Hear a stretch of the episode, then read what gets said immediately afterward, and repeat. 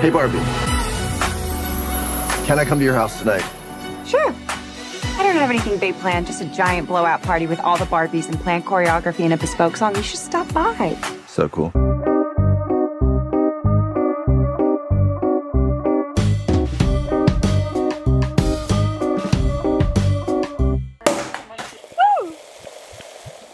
Man har eh, åpnet eh, flasken og eh, drikken som skal nytes mens man snakker litt mer om denne frydefulle filmen. Du lytter til Hver gang vi rantes. Jeg heter Ida Madsen Hesman, og med meg har jeg Ida Katrine Holmen Nilsen. Hallo! Hallo. Som er en stor Barbie-entusiast, som egentlig meg selv. Jeg føler at alle liker Barbie plutselig. Eh, Det, det er jo interessant. Eh, Og det skyldes jo kanskje den enorme markedsføringa som filmen har fått i forkant. Eh, Det er jo selvfølgelig den vi skal snakke om. Og det interessante syns jo jeg ofte er når et sånt fenomen blir Det er jo ikke bare filmen selv som, eh, som har markedsført seg selv, men det er jo det er noe vi alle har vært med på. Jeg erklærer meg skyldig eh, med en gang. Her jeg sitter med mitt gullglass, som er helt likt Ken sitt, eh, spilt av Ryan Gosling, som jeg ble veldig glad over å se, selv om det sikkert er ironisk bruk der. Jeg bruker det veldig uironisk her. Ja. Så Eh, Men spørsmålet er jo hvor skal man begynne? Eh, Vi kan jo kanskje mm, bare brekke litt sånn ned hva er det filmen handler om? Um, altså, sånn, hvis man har sett traileren, eh, så får man egentlig et ganske godt eh, inntrykk av hva den handler om. Det er litt sånn The Truman Show møter eh, Barbie, hvor eh, Barbie lever i en perfekt verden, og hver dag det er liksom Groundhog Day-aktig. Hver dag er en ny, perfekt verdens beste dag. Men plutselig er det ting som begynner å skurre, hun begynner å tenke litt på døden, og angsten begynner å sette inn, og føttene blir flate. Eh, og da eh, må hun eh, rett og slett eh, prøve å ordne denne riften i the space-time continuum mellom Barbie-verden og den virkelige verden.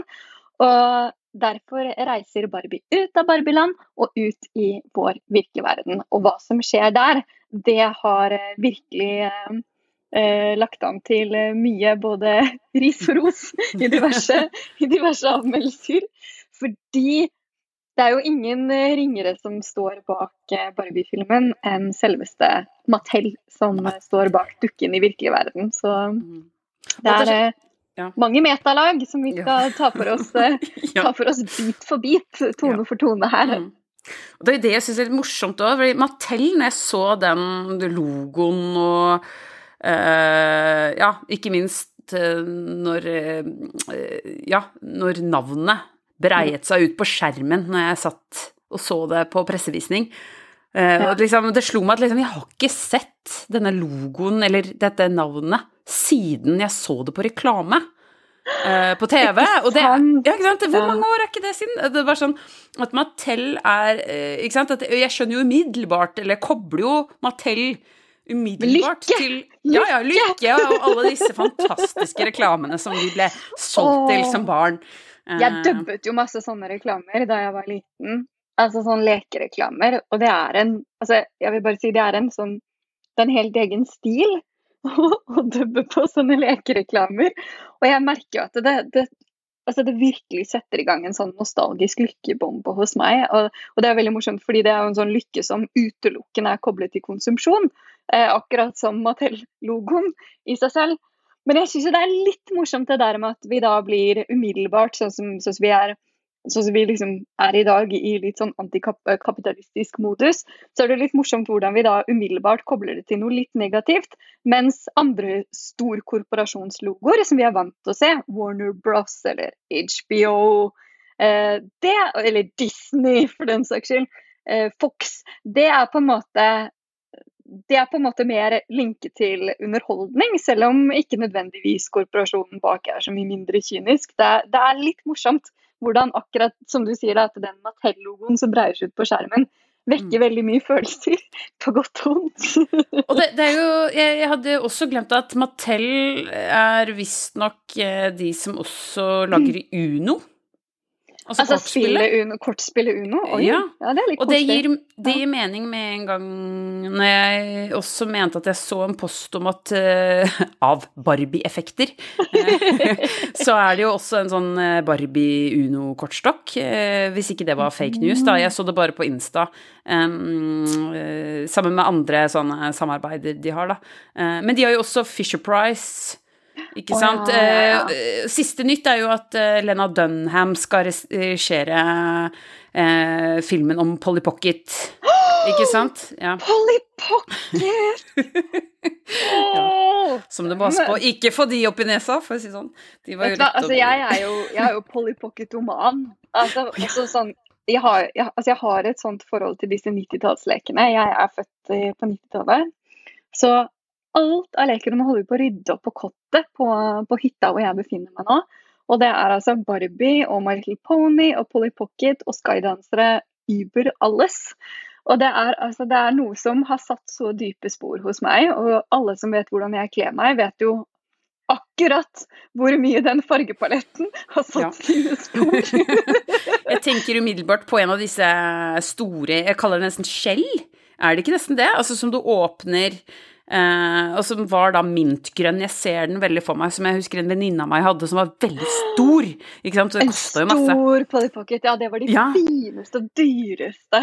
Ja, ja. Jeg hadde selvfølgelig ikke råd til det. Jeg var sånn som gikk til mine venner som hadde masse penger, for å leke med dem. Ja. Ja, eller det kunne være da Barbie også. Men, men akkurat Barbie husker jeg at det hadde jeg jo litt av selv. Jeg husker jeg hadde et Barbiehus. Og jeg, hus ja, og jeg husker Det var jo en av de fineste tingene man kunne ha, var jo Barbiehus. Ja, men jeg, jeg tror det kan godt hende det var, Var det det man kunne brette ut? Fordi... Nei, det var det. Jeg hadde litt mer sånn fattigmannsversjon, tror jeg. Fordi jeg hadde Jeg hadde jo sånn i papp. Ikke sant? Sånn papp. Og så var det sånne eh, ikke sant? Det er nå jeg skal inn på dette med kvalitet. Eh, for det er et poeng i i hvert fall min anmeldelse, hvor jeg gjør et poeng ut av at jeg nesten rykket til da jeg så denne um, brødristeren på Barbies kjøkken. Jeg, jeg ser en hvit Smeg-brødrister. Og så, sant? Alle som kjenner til Smeg, vet at det er veldig stor logo på de, så det er veldig lett å kjenne igjen produktet, da. Eh, Men eh, fordi hele poenget er jo at Barbie-verden er Det er veldig dårlig kvalitet. Ja, det er ikke noe smegg. Det var en veldig rar produktplassering. Nei, og mitt, eh, mitt Barbie-hus var jo da Det er papp. Ikke sant? Bølge... Nei, ikke bølgepapp, sier jeg. Det er i hvert fall løgn. Det var det, det, var Det det, er sånn ikke. Men, tykk papp. Det er litt papp i mitt Barbiehus òg, altså bare så du ikke skal føle deg så alene her.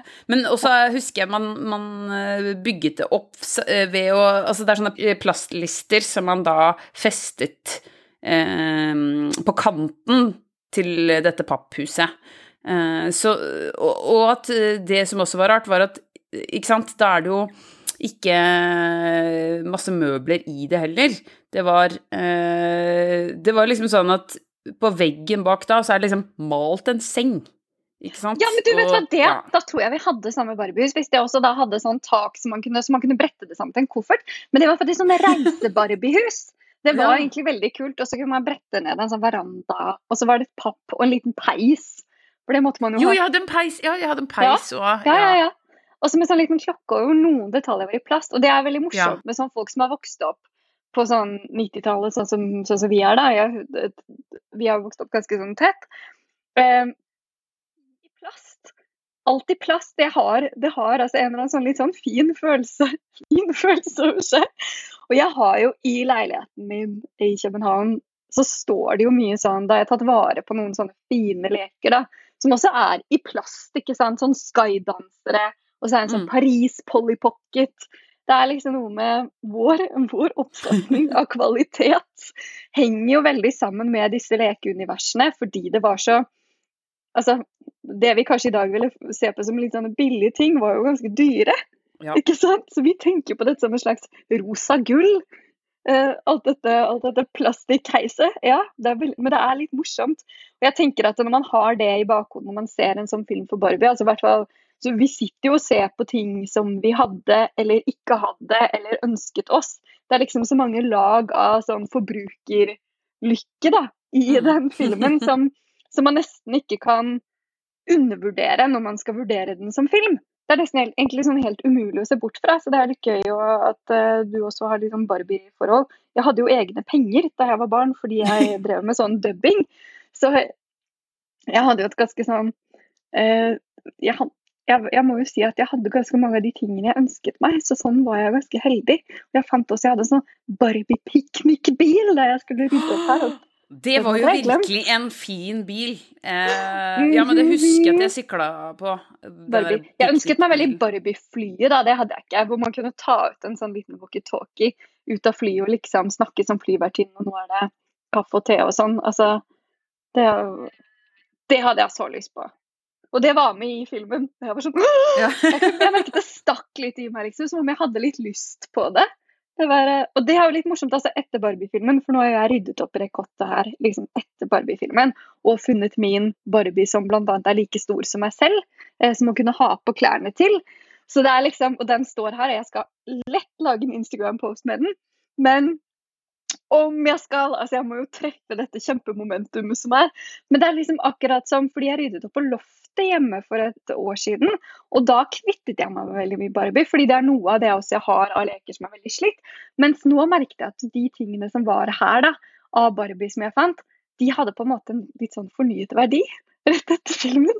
Og det er jo litt interessant hvordan dette går i sykluser.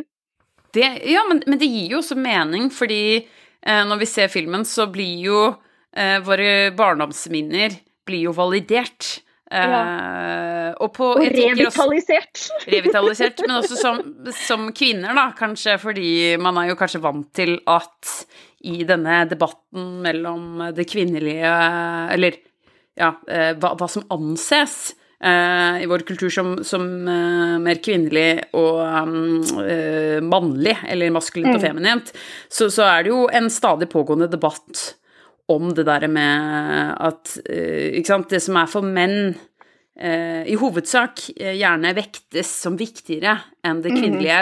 for, å, for, å bare ta noe veldig konkret, den derre Det var jo ikke så lenge siden det var en debatt om dette med Det er teit at damer kjøper dyre vesker, designervesker, mens menn gjerne må betale nesten like mye for både bildeler, eller ja, mer, bildeler, skiutstyr, sykkelutstyr, Eh, men der har det jo vært en debatt som snakker da om også Å ja, men det er, det er, jo noe mer enn bare ting. Det er en funksjon. Ja, ja. Så, det, ja. Så, så, det, eh, så, akkurat den debatten Jeg følte at der, der, kom den litt kort, fordi man bare stoppa ved vesker til damer. Det var liksom det eneste eksempelet man hadde, eh, istedenfor å gå litt dypere i den, da. Men, men, her føler jeg litt det samme på jenteleker og gutteleker, selv om jeg hater det ordet, egentlig, da. Jeg, mm, ja, det, er eh, det, var, det, er derfor jeg også egentlig ville inn på det her litt med Lego, fordi Lego skjønte jo dette at, uh, at man kan godt lage noe som både jenter og gutter skal like like mye. og for å egentlig mm, gjøre det enda mer spennende for jenter, så lagde man jo da mye mer sånn rosa Lego. Jeg har sånn, fe, jeg sånn fe-lego liggende. Ja, men, men, men, jeg husker også at jeg selv var jo ikke så opptatt av at Lego måtte være veldig sånn eh, jentete og, og rosa farger og sånne ting. Eh, jeg husker jeg hadde sånn kafé. Jeg hadde, jeg hadde den fete eh, bensinstasjonen med parkeringsplass oh. og bilvask. Og det er noe av det kuleste Lego-greia jeg har hatt. Ja, men det er liksom litt til det der at liksom ja, altså min, i min drømmeverden så, så, leker gutter og jenter med alt mulig. Jeg husker jeg også elska Turtles. Det fikk jeg jo ikke selv, men hadde jeg hatt Hvis jeg fikk penger til det, uh, ja. så skulle jeg jo gjerne også hatt mye Turtles-gear, men jeg lekte jo med guttevenner med mye mm. De hadde alt av Turtles, og det er et skip Ja, herregud. Ja. Så jeg husker ja. i min Barbie-verden så var det jo også sånn at plutselig så kom det noen Fordi det ikke var så mange kenner, speaking of det vi skal komme til her, da. Eh, så jeg savna jo flere menn i Barbie-verdenen min innimellom. Så da, da, tok jeg jo noen ganger Da var det jo det at kanskje Actionman kunne være med på besøk i Barbie-verdenen. Actionman var jo mye, var jo mye hetere. Bare så det er sagt. Var han, det? han var i hvert fall mye mer røff.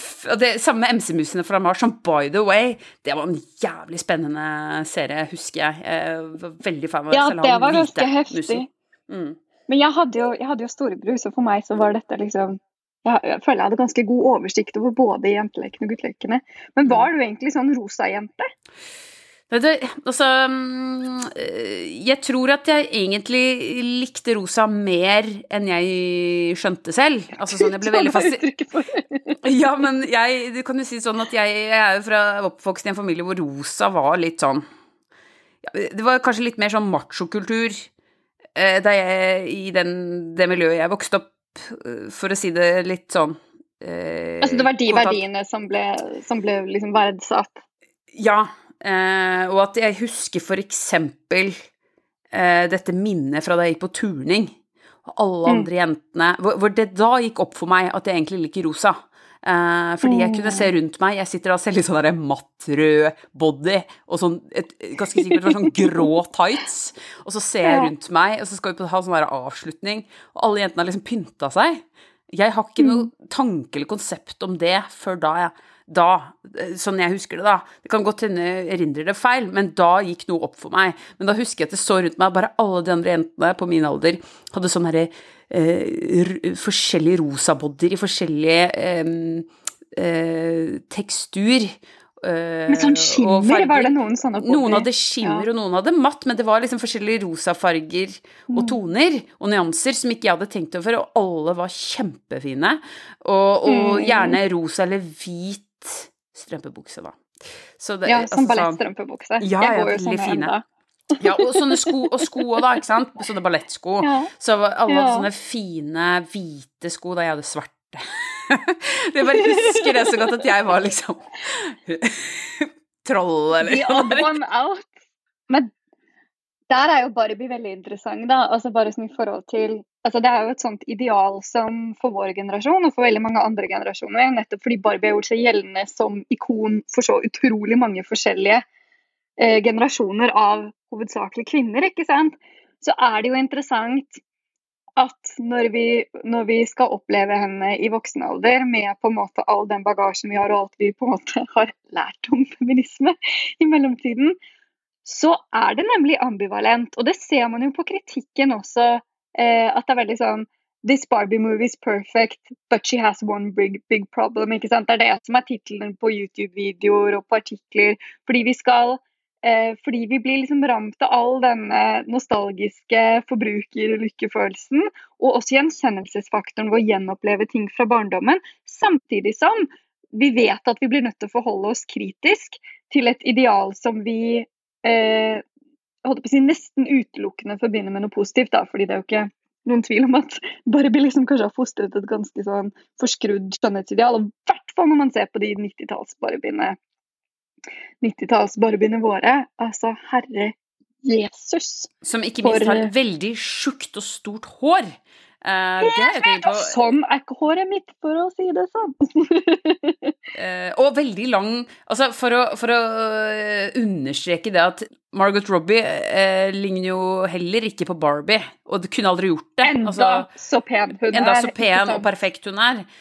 og heller ikke Altså, The Kardashians, de ville også vært sett på som for store. Det er jo det som er sjukt. Mm. At liksom For å være Barbie, bare se hvor lang den halsen er.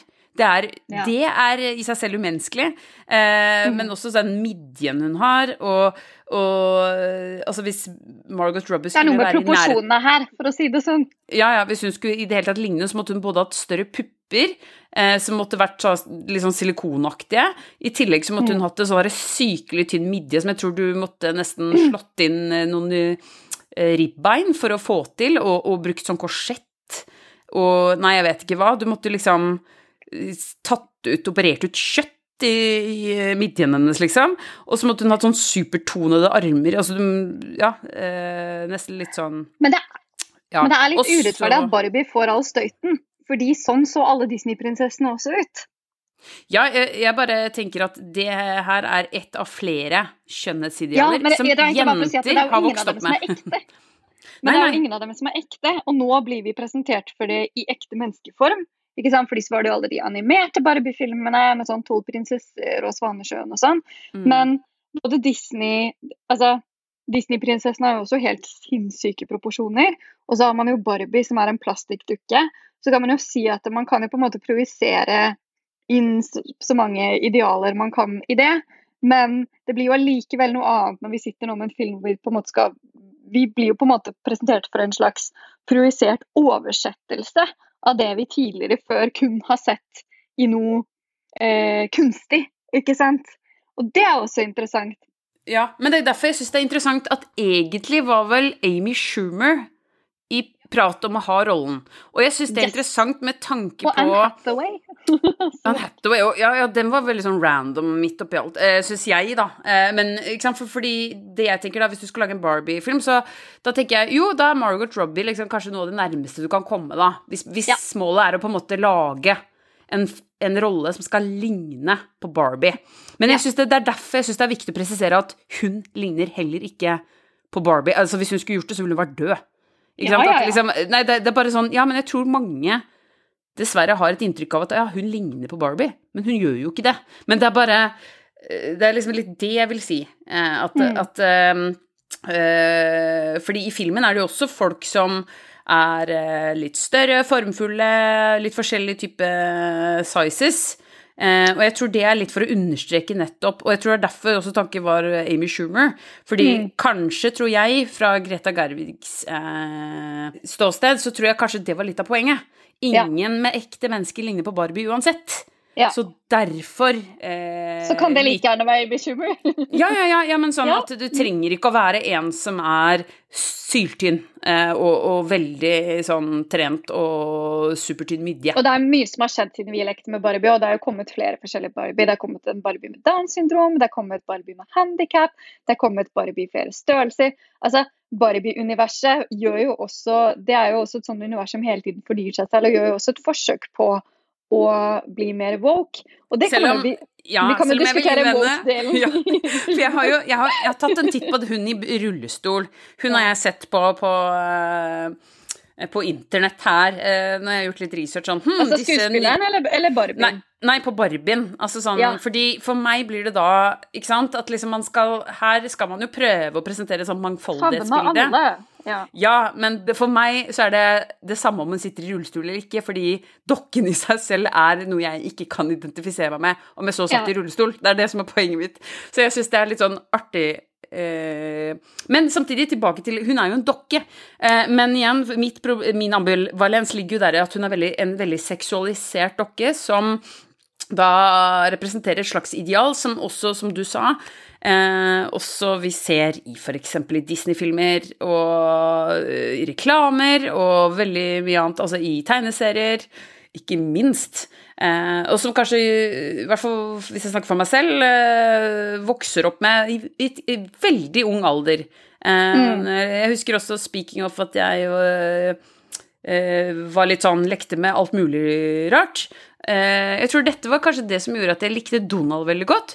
Mens hvis jeg leste Konan eller Fantomet og sånne Ja. ting, så veldig mye sånne type liksom guttetegneserier, eh, så, så er det ut ekstremt seksualiserte og uh, uvirkelige kvinnekarakterer eh, i disse tegneseriene også, ikke sant? Og det er fra vi er veldig, veldig unge, unge at vi leser eh, sånne tegneserier, da. Så, mm. men, men med det sagt òg, igjen, eh, det er jo ikke Barbie som er hovedskyldig her, det er jo det er et sånt generelt problem, så eh, Nemlig. Ehm, så derfor, igjen, det- til mitt poeng her, eh, jeg syns filmen, eh, Barbie-filmen da, når eh, eh, man tar Barbie-universet på alvor eh, Ja. Det er liksom det jeg håpet, og det er der jeg syns filmen fungerer best. Og hvor jeg også får litt den derre Det er litt det samme som hvis du prøver å ikke tenke at dette er Mattel, dette er en stor reklame, liksom, så, så, så kan man, kunne man jo tenke litt fordi Will Ferrell er med. Det, noe av det jeg tenker først på, er jo også Elf, som han er med i. Når han er denne alven. Eh, og ta, altså, ikke sant? Man tar dette på fulle alvor. Kjempemorsomt. Den ideen er så gøy. Den har gjort før. Her eh, syns jeg den funker dritbra når vi er i Barbie-verden. Mm. Ja. Så, men ja. Eh, og, og jo, eh, til det du sa mm, med referanser. Jeg tenker jo også veldig på sånn Matrix. Sånn derre Å, tar du red pill eller blue pill? Og så plutselig så har Barbie tatt den pilla som gjør at hun plutselig ser, begynner å se og tenke. Eller Ja. også, som altså speaking of denne rundkjøringen eh, hun bor i, og at Ja. det gjentar seg, og alle står utafor og er sånn stive og bare 'Hello, everything is perfect'. Stepford Wives. Ja, Stepford Wives, men også igjen Vi har jo snakket for lite om den. Den der Olivia Wildes 'Don't Worry, Darling', selv om den, også ja. Å, den var Men- grusom. Ja, men det, sant? Det, er, det er derfor ingen snakker om det. Den henter jo alt fra de andre. Det skjedde. Ja. Det som var bra med den, var den scenen med Dita von Tees. Det var helt episk. Jeg syns også det var gøy å se Harry Styles som en incel. Det glemmer jeg aldri. Ja. Ja, nei, det... Det var morsomt, men det kommer jo helt til slutt. Oi, spoiler alert for de som ikke har sett den og vil se den. Ja, Nei, den filmen er over et år gammel. Ja. Folk får ta seg sammen. Ja. Men, eh, men eh, Men det er, jeg bare men- syns ja. det er veldig interessant å se nå som nå er det gått eh, litt over en uke siden Barbenheimer og co. for Mm. alvor liksom tok over absolutt hele verden. Og så må jeg jo si at det liksom før dette ble et kjempekinofenomen, og Greta Gerwig er den kvinnelige filmskaperen som har den, har den beste åpningshelgen på kino noensinne. Det heier vi Ja. selvfølgelig på, selv om det er Veldig Mattel som har blåstemplet den. Veldig Ja. viktig. Og selv om det er et kjent, det er et kjent produkt, vi må ikke Det er Altså, du- veldig mange trekker fram verdien her. Nei, folk trekker fram Å, dette er helt nytt. Det er ikke en Marvel-produksjon eller whatnot, men det er bare sånn Det er Alle Barbie. kjenner Hallo. Ja. Barbie. Kom igjen! Nei, men jeg syns også det er litt interessant det der med at, um, at uh, det er, Dette er jo en film som og, og som jeg kanskje har vært inne på tidligere også. altså det er ikke bare et kinofenomen, og det er veldig mye i den liksom, popkulturelle buss, buss, bussen eh, popkultur, Noe sånt med sånn buss som popkulturbuss. popkulturelle bussen rundt Barbie. Som ikke bare handler om filmen, men som er i symbiose med ting som både skjer i motebildet generelt, og i at uh, vi som har lekt mye med Barbie, er nådd til en alder hvor vi blir veldig nostalgiske i forhold til vår egen barndom, og lengter tilbake til en tid hvor hvor ting var litt eh, enklere, kan man si. Altså, i, i, med, liksom økonomisk og klimakrise rett i fleisen, at vi, eh, vi kanskje liksom tenker på en tid med Barbie, f.eks. Og og så kan man jo si mye om Barbie som ideal, men det der er sånn liksom aspiring med Barbie som vi kjøpte veldig inn på som barn og sikkert som unge, at man kan bli hva som helst.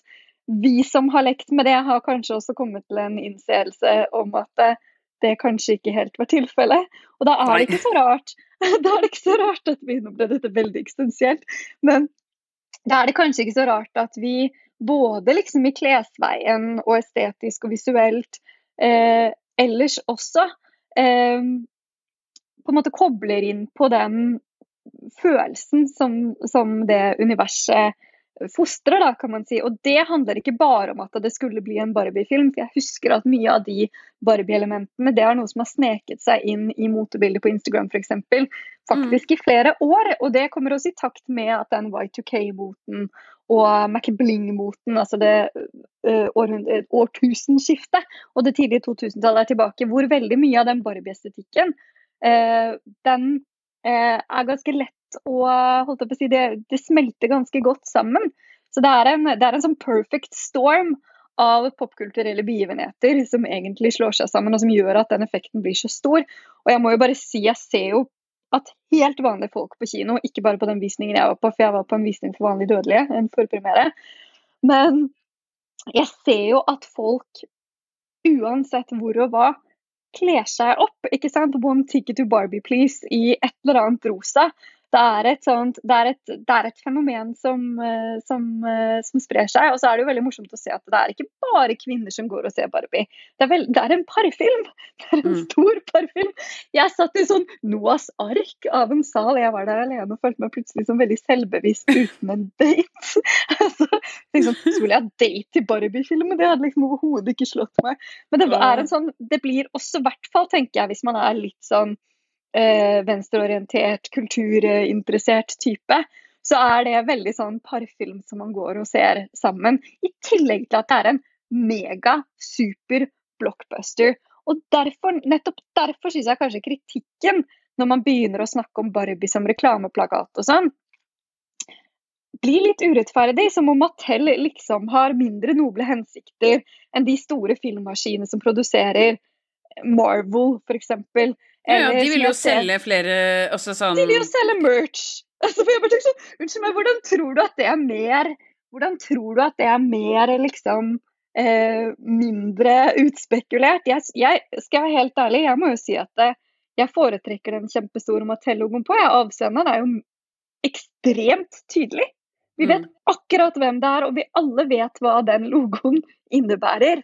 På godt og ondt. Så Sånn sett er det jo en ganske gjennomsiktig reklame. og Jeg syns jo de til en viss grad har ganske god selvironi. Jeg ser ikke helt forskjellen når vi snakker om en super... Jeg tror det som blir problemet her, er jo at det er Greta Gerwig som er regissøren. Og at man Ja. derfor tilskriver det liksom en større varme og filmer som vil noe feministisk agenda, enn det Mattel kanskje klarer å stå inne for, da. det jeg tenker egentlig trekker ned for min del, det er jo Mm. egentlig når, når man skal gå inn i den feminismen. Mm. Eh, For min del så syns jeg filmen er best når den er overfladisk. Det er Eh, jeg sy ja. men jeg syns vi snakker for lite om det, da. At liksom Mm. kan, eh, kan noe bare få lov til å være Ja, dette er markedsføring. Det, Ja. er et premiss for å se filmen. Altså, det vet Det er et vi. premiss for nesten alle filmer. Ja, ja. Det er et premiss for nesten alt. Det er på penger. samme- ikke sant? Men det kan være bra. Ikke sant? Det må ikke være sånn at det er dårlig for det.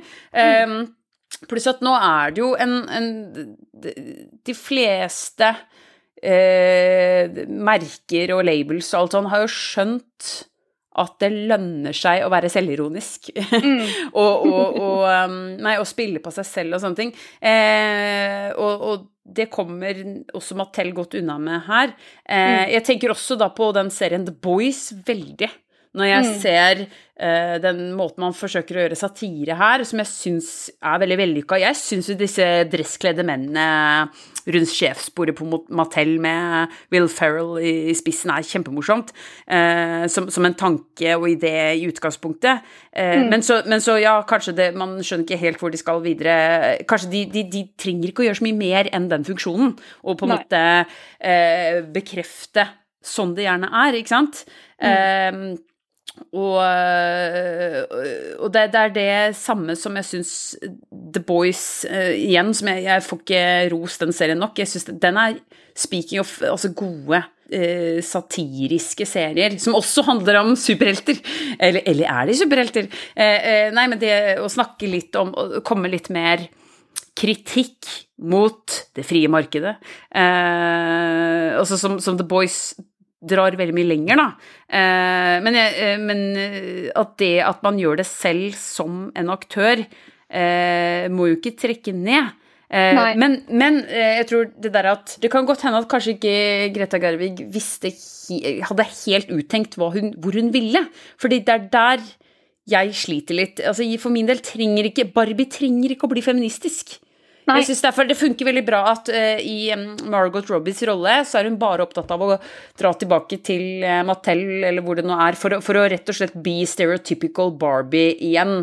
Uh, men det er bare at den turen dit det, det blir kludra til ved at man skal putte inn en del sånne feministiske poenger. Og for min del tenker jeg at vi alle vet litt disse feministiske poengene. Eller nei, alle vet jo egentlig ikke det. Kanskje vi egentlig Alle, forklare vi, litt. alle, vi, alle vi kjenner vet det, tror jeg, vi, tror jeg det heter. For eksempel har vi jo sett at flere menn har reagert og, og liksom dødningshodescore eh, på filmen fordi eh, Hva var det? Å, er nei, det beste med hele filmen. Ja, men nå Ja. satt jeg jo og leste Åh, jeg drev og leste det i går på alt fra TikTok til alt mulig. Det er jo så mange som har lagt ut sånn eh, masse menn som er oppriktig indignert, men så har man sammenligna med det der med at eh, hva, hva annet liker disse mennene, eller, eller guttene, som, som ikke liker filmen overhodet, og de, de samtidig liker sånn Taxi Driver og um, Gudfaren-filmene. Eh, jeg kan også bare si jeg også elsker Taxi Driver og Gudfaren-filmene, liksom. Men, men, ja, men, men, eh, men hvis man skal gjøre et forsøk da, på å, å kanskje forklare for de som ja, nettopp har gitt en elendig karakter og tar, tar det personlig eh, som kjønn Den hater menn. At Det det er mange som mener at filmen hater menn, for det er veldig Ja. viktig bare å poengtere hvis man ikke har sett den, da, at, eh, at eh, Ken han eh, da hopper jo i baksetet på bilen, litt sånn som Murphy Interstellar, for å bli med til den virkelige verden. For han vil jo gjerne være akkurat der hvor Barbie er hele tiden. Fordi han eksisterer simpelthen ikke hvis ikke Barbie ser på ham. Og akkurat sånn er det jo for alle som har lekt med Barbie. Ken er en altså, la meg si sånn, Ken er en statist i eh, Barbie-universet når man leker med Barbie. Det er sånn han på en måte er designet og eh, er i praksis også. Og det er jo en del av satiren i filmen. Fryktelig morsomt. Men når han kommer til den virkelige verden, så oppdager, man, så oppdager han at eh, selv om, ja, selv om verden kanskje er litt tøffere for menn akkurat nå, så kan de fremdeles gjøre mange av de samme tingene. De bare gjør det litt mer i det skjulte. Og så lenge du har dress og er mann, så er det rett og slett fritt fram og velkommen til patriarkatet. Og det er jo selvfølgelig utrolig satt på spissen, men det er fryktelig morsomt. fordi så vil jo Ken eh, innføre patriarkatet i Barbieland også, og gjøre dem til Kendom.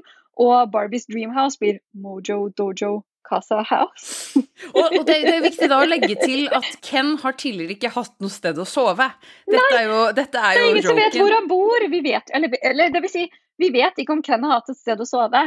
Fordi hvor han er når han ikke liksom er i Barbie-leken.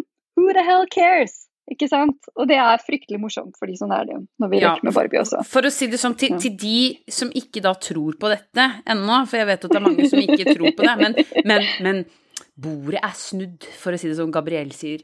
Altså, her er det faktisk motsatt fra den virkelige verden. Her er det Ja. sånn at uh, det er ikke sånn at eh, mannen er i fokus, her er Nei. det kvinnen som er det. Og det er jo det som er veldig morsomt, fordi det er sånn det passer med Nettopp eh, hvordan man leker med Barbie, at man Å, hvor er Ken? Det bryr man seg ikke om. Og så, eh, og så er det dette som er på en måte hele poenget med joken, og, og at Ken Og det er derfor man leker seg veldig med dette fra start, at Kens moment er liksom når Barbie ser på han, og han løper mot denne surfebulgen som også er helt eh, fast, for den er også sånn av papp eller plast. Eh, Ja. og da, ja, nettopp dårlig kvalitet, og, og han faller og og det er liksom Barbie som må, en annen bar, doktor Barbie som må reparere han, Mm. og han er jo på en måte bare udugelig. I am beach, sier han jo. Jeg, Ja. jeg synes, å, det er Han så har ikke noe jobb! Nei. It's just beach. Ja.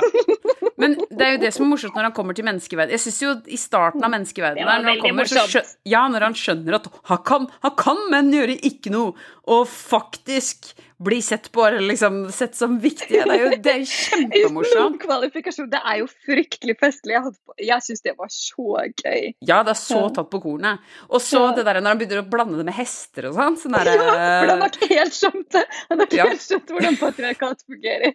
Men det noe med hester og ja, for han, han har vel sett bilder og lest om at menn er på hest, rir på hest, eller Western og Ja, ja, ikke sant? Så, cowboy. og, eh, det er et eller annet artig Nei, men det er veldig mye Åh, eh, jeg elsker måten Ryan Gosling bare går med fullt alvor inn i denne Uh, uvitende Ken-dokken som, som ikke skjønner noen normer fra Mm. det perspektivet fra en Ken-dokke. Hvis en Ja. Kunne i det hele tatt forestille seg noen ting. Det er jo her det blir vanskelig, fordi hvor mye kan en dokke tenke? Grunnen til at jeg tenker så mye på Elf, er at jeg føler det er mye Will, uh, Will Ferrell-humor inni filmen. Jeg syns det var det minst Jeg syns jo Will Ferrell Ja. var det minst morsomme. Jeg kunne godt ha spart meg en del for det. Ja, han er jo ikke, han er ikke så mye med heller. Men, men jeg, men jeg syns jo det er mye av den typen humor som er i Will Ferrell-filmer, og som for eksempel nettopp er i Elf. Når han er denne alven som kommer til menneskeverden. Altså, det er så mange paralleller der, eh, hvor jeg eh, altså, tenker at Greta Gerwig må jo ha hatt masse samtaler med Will Ferrell om, om manus og Altså, tenker jeg, da, siden Will Ferrell er med. Ja, men det jeg syns den Ken-rollen for alvor illustrerer, som jo er litt morsomt at det er tydeligvis noen som faktisk har misforstått på alvor, da. Eh, og som jeg også egentlig syns at veldig mange av de anmelderne som er kritisk til hvordan, hvordan filmer blir brukt som en sånn Mattel-reklame, eh, hvordan jeg egentlig syns de misforstår Barbie sin rolle, er jo at vi eh, tar det bokstavelig at det er menn og kvinner når det jo handler om ideer om menn og kvinner inn i et ekstremt, eh, holdt jeg på å si, naivt univers formet av lek og formet av barn, ikke sant? Hvor ting er eks eksepsjonelt unyansert. Hvor jeg, bare, hvor jeg føler at det gjelder jo på en måte det gjelder jo på en måte Barbies eh, rolle i større grad. Og det er jo der kanskje at både du og jeg føler at filmen ikke fungerer like godt. Det er jo når stereotypiske Barbie prøver å bli selvutviklings-Barbie. Og bli en ekte kvinne, ikke sant. Fordi altså, for å, den, filmen er jo morsomst når det ikke egentlig handler om kvinner og menn, men når det handler om eh, idealer satt inn i en unyansert lekeverden, sånn som vi har vokst opp med den. Ja, og som er skapt av voksne, ikke sant? Som er Og som er skapt av voksne. Og som blir til, blir, som blir til mens man leker. Ja. Men, men sant, jeg tenker, hvis jeg tenker eh, ikke sant, Når vi var barn og lekte altså sånn, eh, Som barn har du null konsept om karriere, jobb Eller liksom det var sånn og Kanskje de var, kunne være Det var gøy med sånn walkietalkie på flyvertinne Barbie. Det Kjempegøy, for det var sånn walkietalkie. Ja, men ikke sant, det er veldig sånne konkrete ting. ikke sant? Sånn Ja. herre Eller Fine leke Fine puppermer. Ja, ikke sant. Ja, Man er opphengt i ting som ser fint ut. Og for eksempel at jeg likte å leke sånn kiosk for foreldre og onkel og tante da jeg var liten. Kassadame var en av mine yndlings. Jeg hadde sånn bippeting og sånn. Magisk. Ja, men det er veldig sånne konkrete yrker. ikke sant? Det er sånn, Enten er det politi, brannmann, eh, kassadame, flyvertinne, sånn service Det er veldig lite astrofysiker, Ja, ja, og, du, og du har i hvert fall ingen konsepter om, om sånn derre Å, Barbie-byråkrat, eller, eller Prost-Barbie Nobelpris, Barbie! jeg hadde sånn man kunne, jeg hadde sånn man kunne ta sånn stemple sånne stjerner, sånne rosa stjerner i håret. Oh my Med en sånn veske. Ja, Ja, og den hadde så sykt langt hår. Altså, jeg vil bare si det var jo magisk. Og parfyme-Barbie. Og så jeg så de var med i filmen òg. Havfrue-Barbie. Altså, og det var noen av de som man kunne ha med i, i badekaret, som skiftet farge på halen i forskjellig vann. Og, altså, det var veldig mye sånn ja, veldig mye sånn magi, det. ja? Det var veldig mye sånn magi også i det universet. Men det jeg skulle si da, når vi ser denne filmen, og man må på en måte bli nødt til å, beha man blir jo nødt til å behandle det som en film også etter å ha sett på alt det her, men det er bare så utrolig Du kan ikke løsrive filmen fra produktet og nostalgien og universet som ligger i, men jeg opplever egentlig at veldig mye av den jeg må bare si, bare så det er tydelig, jeg syns jeg elsket filmen. Jeg Klar femmer herfra. Jeg syns det var en kjempemorsom film. Jeg er ikke typen som vanligvis syns komedier er morsomme. Jeg syns dette var kjempegøy, selv om ikke alt var perfekt. Eh, og syns at den hyperamerikanske liksom, Harry Potter-aktige slutten var kanskje liksom i overkant sentimental for meg. Men for en film som dypest sett er en slags tegnefilm, så er det kanskje akkurat en sånn slutt som trengs. Det er ikke en indie-film, på en måte. Eh, men jeg opplever også at kritikken av Barbie er litt gammeldags. Og kritikken av Barbie i de anmeldelsene som skal være sånn Dette var kjempegøy, men vi kan liksom ikke kose Vi får ikke lov å kose oss helt fordi vi skal være så kritiske. Vi er jo for lengst forbi det faktum at Barbie representerer et uoppnåelig og eh, quote unquote, dårlig skjønnhetsideal. Noe i filmen i stor grad også harselerer med. Men er vi ikke også da for lengst forbi at det stereotypisk hyperfeminine, da, som, som filmen i veldig stor grad hyller og eh, altså gjør bruk av i hele sin liksom, visuelle energi, er vi ikke forbi at det er iboende ufeministisk?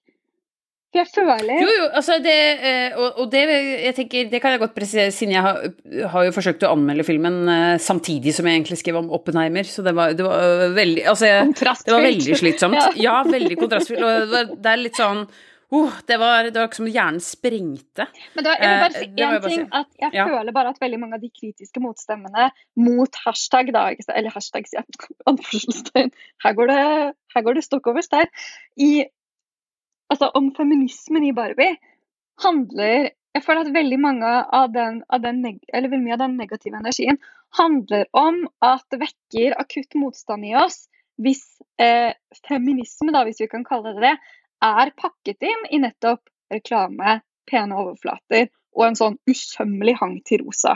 Ja, men det er jo samme som Eller altså, dette har jo øh, popmusikken også slitt med, ikke sant? Nemlig. Ja. Um, jeg har vel selv debattert eh, om dette med, med sånn særlig hyperseksualisert Mm. eh, serte musikkvideoer av kvinnelige rappere, eksempel, som kler seg mye i rosa og gjør, tar mange plastiske operasjoner, og, ikke sant, som man, mange liker å stemple som dårlig forbilde.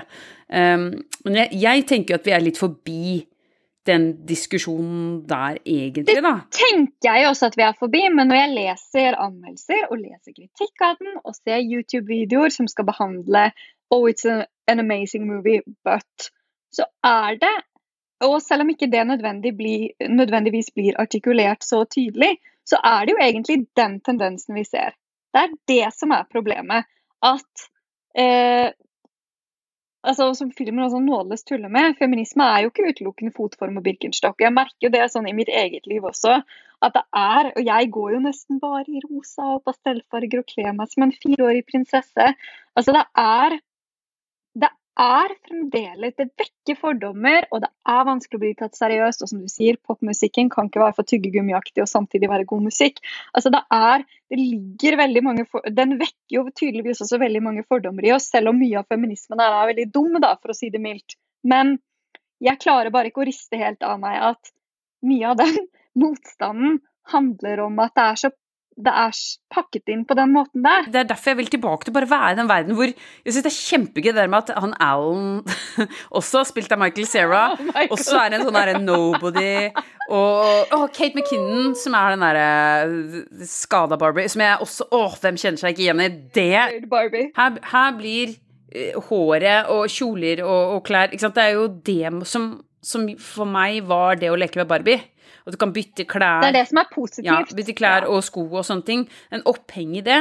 Eh, og så mm. kan man godt kritisere akkurat det, men det er bare at for meg blir filmen rar når, når den skal prøve å late som Barbie liksom vil noe mer. For, for meg vil ikke Barbie det. Ikke sant? Det det, drit i det, dropp det. Jeg, Barbie er en uoppnåelig eh. Eh, det er en dokke, først og fremst, men, men, men, på en måte det er ikke noe, mye, det er ikke noe mer enn Nei. bare det. Og det kan være gøy nok å kødde innafor de rammene. Det er det jeg syns. Og der finner vi jo Ken, som er frustrert. Ikke sant? Og det er jo her Jeg tenker liksom Han Altså, Ryan Gosling gjør jo en av sine beste roller her. Absolutt. Ja, ja. Som den marginaliserte mannen. Og det er jo her jeg kanskje tenker at her blir jo filmen mer ufeministisk, fordi, hvis, hvis, vi skal si det sånn, da, bruke de orda der. Eh, fordi det er jo jeg For meg er det jo Ryan Gosling som stjeler hele showet mm. ved å ha denne vekkelsen, fordi han er den marginaliserte mannen. Det er jo han som har en kamp her. Men det er jo han, han er jo, Ken er jo Ken er jo filmens største feministiske prosjekt. Men jeg vil bare si at jeg er, jeg er helt enig med deg at den type feminisme som eksplisitt presenteres i filmen, den er veldig Den virker veldig sånn både amerikansk og litt sånn forced. Det er ikke egentlig det jeg mener. Jeg mener mer det der med at vi er så kritisk til filmen, ikke Barbies replikker nødvendigvis, men filmen som feministisk prosjekt, fordi den har den overflaten den har. Det var det jeg mente. Men jeg er helt enig i at Ken er, Ken er et funn. Ken er, jeg har aldri vært sånn Ryan Gosling. Jeg har aldri vært sånn som har siklet etter ham på noen som helst måte. Kanskje bitte litt til Drive, men det var fordi han hadde sånn kjørehansker. Men Jeg likte han jo helt siden Breaker High på TCC Nei, vent, da. På Fox eh, Kids. Oi! Jeg likte, jeg likte, veldig godt Blue Valentine. Nei, jeg har jo fulgt med han hele veien siden Ja, siden han ble filmskuespiller, da. Så, så jeg syns han har hatt en veldig interessant reise, fordi han har jo gått gjennom veldig mange sånne seriøse eh, filmer og vært eh, Starta vel mest som bad guy. Mm. Og så Ja, så har han liksom egentlig ikke fått vært ordentlig sånn komisk. Men han er jo kjempemorsom. Som Altså, han Og, det, og så syns jeg det undervurderer man. man. Dette vet vi jo, at det, man vekter gjerne det, det som eh, er alvor og tungt eh, og, Mye mer enn det som er lett og komisk. Og det syns jeg er urettferdig, fordi det er veldig mye vanskeligere ofte å, å klare å være morsom. Mm. Eh, og, og, det samme gjelder faktisk i Altså, der er film og film, TV og musikk eh, ganske likt. Altså, altså at, at eh, man, man, har en tendens til å, å, å, å tenke at, at liksom det som handler om tabubelagte temaer Altså, eh, og, og det, det, det veier tyngre og får oftere prisnominasjoner og sånne ting enn det som er ren komikk eller eh, en lett eh, og fengende poplåt. Og, og det, eh, det, er det som er interessant, for det, eh, det kan være kjempevanskelig å lage en god poplåt som å lage en god komedie, slapstick, spille på det veldig banale. Kanskje nettopp fordi det er gjort så mange ganger før, da. Eh, og det å treffe da altså sånn emosjonelt, sånn at vi oppriktig ler eller kjenner på en god følelse, Eh, ja, jeg heier jo veldig på Jeg blir så glad når det kommer en god komedie. Dette er en eh, knallgod komedie, og, Ja. og det, er bare sånn, det går langt mellom de, da. Det også syns jeg er interessant at ehm, ja, men så, og sånne komedier som du kan se flere ganger. Jeg tror, Mm. Hva ble det? Sist jeg så en komedie hvor det var sånn Å, faen, jeg må se en bra lættis-film. Hva var det? Jeg tror det var, jeg tror det var Elf.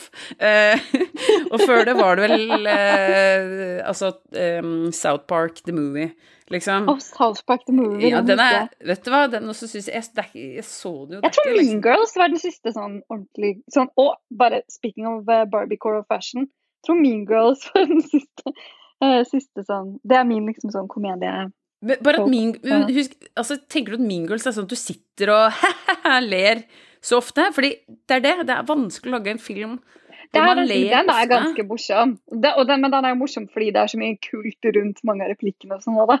Ja. Jo, men Mean Girls syns jeg er mer sånn Jeg syns den er eh, kul og lættis, men det er ikke sånn at jeg ler veldig mye av den. Men jeg Nei. liker å se den for det. Altså eh, Da tenker jeg sånn Not Another Teen Movie. Det er en sånn film jeg kan se mange ganger fordi den er så fucka. Den er undervurdert. Den fikk jo bare terningkast én da den kom. Hva med, hva med American Pie?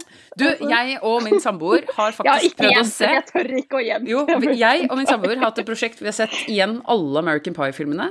Det er ikke så lenge siden. Hvordan gikk det? Eh, Å, fy faen, så Det er så veldig mye verre enn det jeg trodde. Det er jeg, sånn, var sånn, oh sånn, my jeg, var god. ni, jeg var sånn Ja. ni år gammel da den første American Pie-filmen kom. Så, jeg husker jeg så den jo da, jeg fikk jo bare se hva som helst. Så jeg, jeg er jo bare sånn søppel... Jeg så også fucking Åmål da den kom, da jeg var vel også sånn ni år gammel. Så jeg bare mener, jeg, jeg husker det som noe jeg sikkert ikke kommer til å sette så veldig stor pris på. Det blir ikke noe sånn voldsom gjensynsglede, men det er jo morsomt ja. å høre at dere har prøvd. Vi måtte jo Den se alle. filmklubben deres, da. Vi har eh, vi, Not another er, teen movie, Ja, ja. American Pie, Elf ja, men, nå, men nå, ja, nå er vi inne på Park Nolan-kjøret, da. Nå. Men South Park the Movie, fader, vet du hva, den Åh, vet du hva, den uh, Den står seg. Jeg, kan, jeg kom på at jeg kan alle sangene utenat. Jeg kan Eh, sikkert også se- De ligger ja. sikkert i underbevisstheten. Jeg hadde jo CD-en også, jeg hørte på den masse. Jeg er så nerda igjen. Herregud. Uh, På Discman, liksom. Mens man ikke Ja, ja. Å, Ja, ja. på. Herregud, ja, så teit. Uh, og hjemme på rommet mitt, liksom. For sånn, shut the fucking face, fucka. Men jo, det der, ja, men der, der, der eh, til poenget. Eh, Terence og Philip som driver og promper. Har prompebattle. Altså, og jeg Ja. ler. Det Altså, er sånn som så- jeg ikke, det er sånn som jeg ikke syns er morsomt. Å ja, okay. Ja, for det Ja. Jeg ler av Jeg syns sånn. veldig mye South Park er morsomt. Jeg synes, Ja. Når de tuller med sånn religion og de sangene og sånn. Ja. Kjempemorsomt. Ja. Men, men sånn type sånn Jeg syns også Saddam Hussein og djevelen som er, har Ja, et det eh, er et forhold. veldig Det er morsomt. Ja. Men jeg syns det er eh, så- men, men ikke sant, du kan eh, Her er noe av poenget mitt òg, at eh, ja, man kan eh, man kan ikke bare si 'jeg syns prompehumor er gøy'. Det handler Nei. om kontekst, det handler om eh, tempo, det handler om Ja, men i likhet med en, ja. en Ja, men i likhet med en linje, en replikk, så uh, Ikke sant? Her kommer vi inn på Ryan Goslings uh, gode um, Hva skal man si uh, Forståelse. Eh, av komikk og timing, ikke sant? Komisk Mm. Ja, ja, timing ja. eh, og, og tone. Altså det, det der med å bare det, det her er jo veldig interessant, for det, der går man nesten inn på det som er slapstick, ikke sant? Mm. Sånn derre som handler om noe veldig fysisk.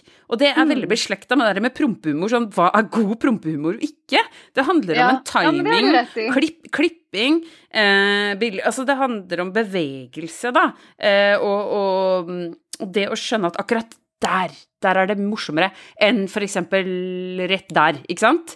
Det, det, er, en, det er en sånn forståelse som er nesten litt vanskelig å, å, å konkretisere, eller, eller måte Du kan ikke bare skrive ut det som en teori. Nei, men det er jo litt interessant i forhold til noen av de filmene som Greta Gerwig sier at hun har vært veldig inspirert av i forbindelse med Barbie, som, som har vært litt vanskelig å få øye på. Altså det er liksom, Selvfølgelig hun er åpenbart inspirert av sånn, sånn Technicolor og sånn, og har satt opp veldig mange filmer Technicolor-filmer på listen over liksom inspirasjonskilder. Men hun har også satt opp veldig mye type eh, screw, screwball-komedier fra slutten av 30-tallet og starten av 40-tallet, som jo nettopp har et sånn stort fokus på timing og en litt sånn quirky humor. Og det må jeg jo si, det er jo et gjenkjennelig element i, i, hvert fall i Ryan Goslings, kanskje i stør, størst grad Ryan Goslings utgave av Ken, som er en litt sånn avmaskulinisert et avmaskulinisert mannsideal, akkurat som Carrie Grant er, f.eks.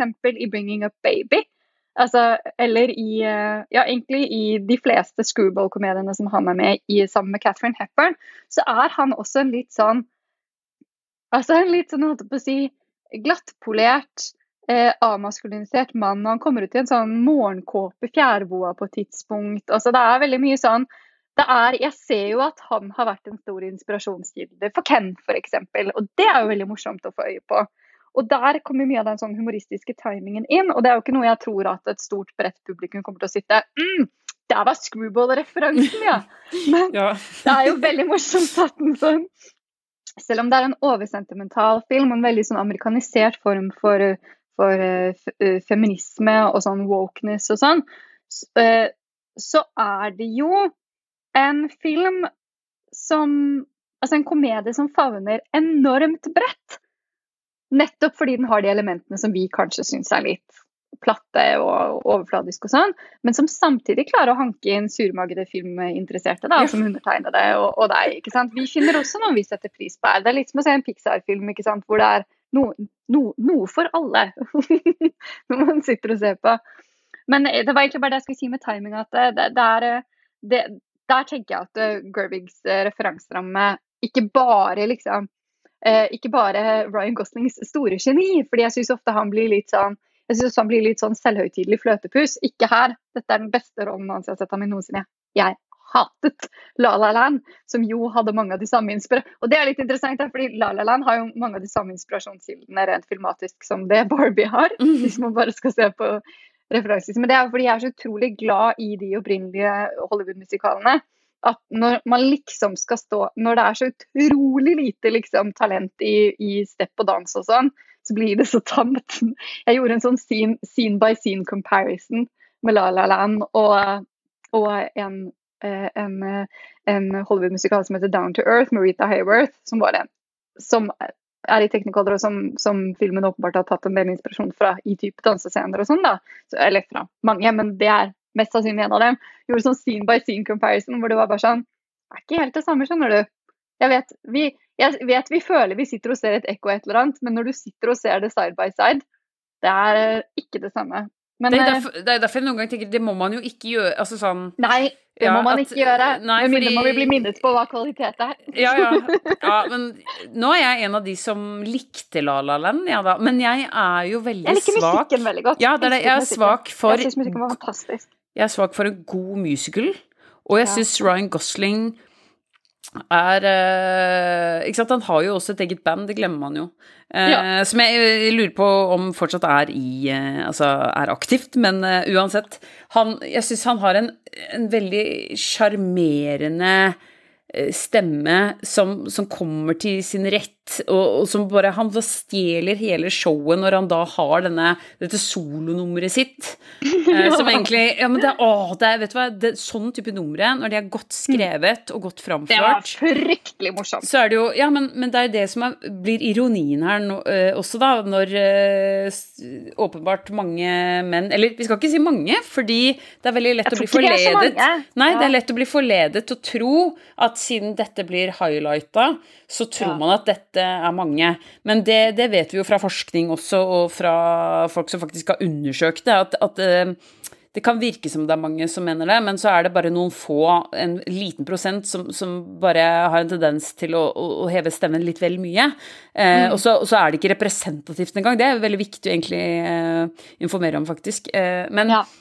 Men de, den uh, lille prosenten da, som, som, da er misfornøyd Det er jo interessant hvis det da er veldig mange menn som tenker det når, når I hvert fall for min del, det er jo mannen her som stjeler showet. Den marginaliserte mannen. Eh, å, det, det, blir jo hans reise som for meg er mest emosjonelt engasjerende. Både mm. som, som satire og som Men også at jeg ble emosjonelt engasjert i han. Altså, jeg Ja, blir veldig enig, revet enig. med. Ja, og han er eh, Altså, ok, greit, så er han kjekk òg, da. Eh, så det er jo kanskje litt Jeg syns, ikke han er kjekk. Unpopular opinion. Ja. Men han er jo eh, men, Ok, men du tenker jo at han har en karisma, uansett om du syns Ja, han er kjekk. ja. Ikke sant? At det er jo en Jeg syns bare ikke han er attraktiv. Nei, at eh, Ja, eller hva, hva Ok, jeg tenker karisma er noe av det som gjør at noen er attraktiv. Uansett. Ja. Eh, han blir på Altså, han fanger Han har jo en sånn X-faktor, da, som, som jeg syns er interessant fordi det bryter jo veldig med det som er dokka Ken, ikke sant? så, men, men jeg kjøper den, altså fordi plutselig så er det mye mer interessant for meg i hvert fall å følge med på Kens reise enn Barbies reise er gitt Ja, ja. for lengst. Det jeg er interessant, her, fordi jeg er dritfan av Margot Robbie, hun er jo så kul. Og så, mm. jeg, så bare kommer han og bare hijacker hele filmen.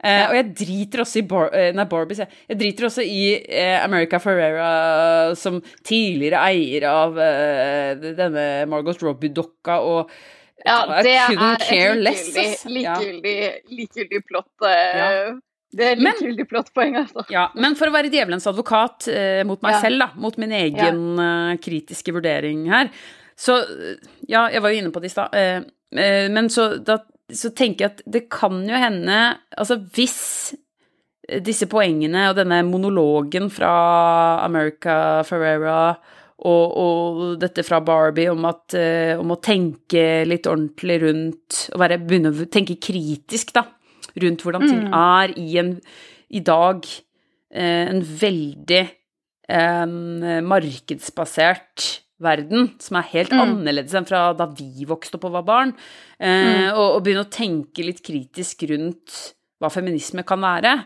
Hvis, hvis det er sånn at det er veldig mange faktisk som er mye yngre enn oss, som lærer noe nytt, Ja. så tenker jeg Da har jo egentlig filmen hatt noe interessant å si. Eh, men, eh, men så lurer jeg også på om det er et, også et ledd i å selge flere dokker som de nå skal lansere, som er fra filmen, ikke sant?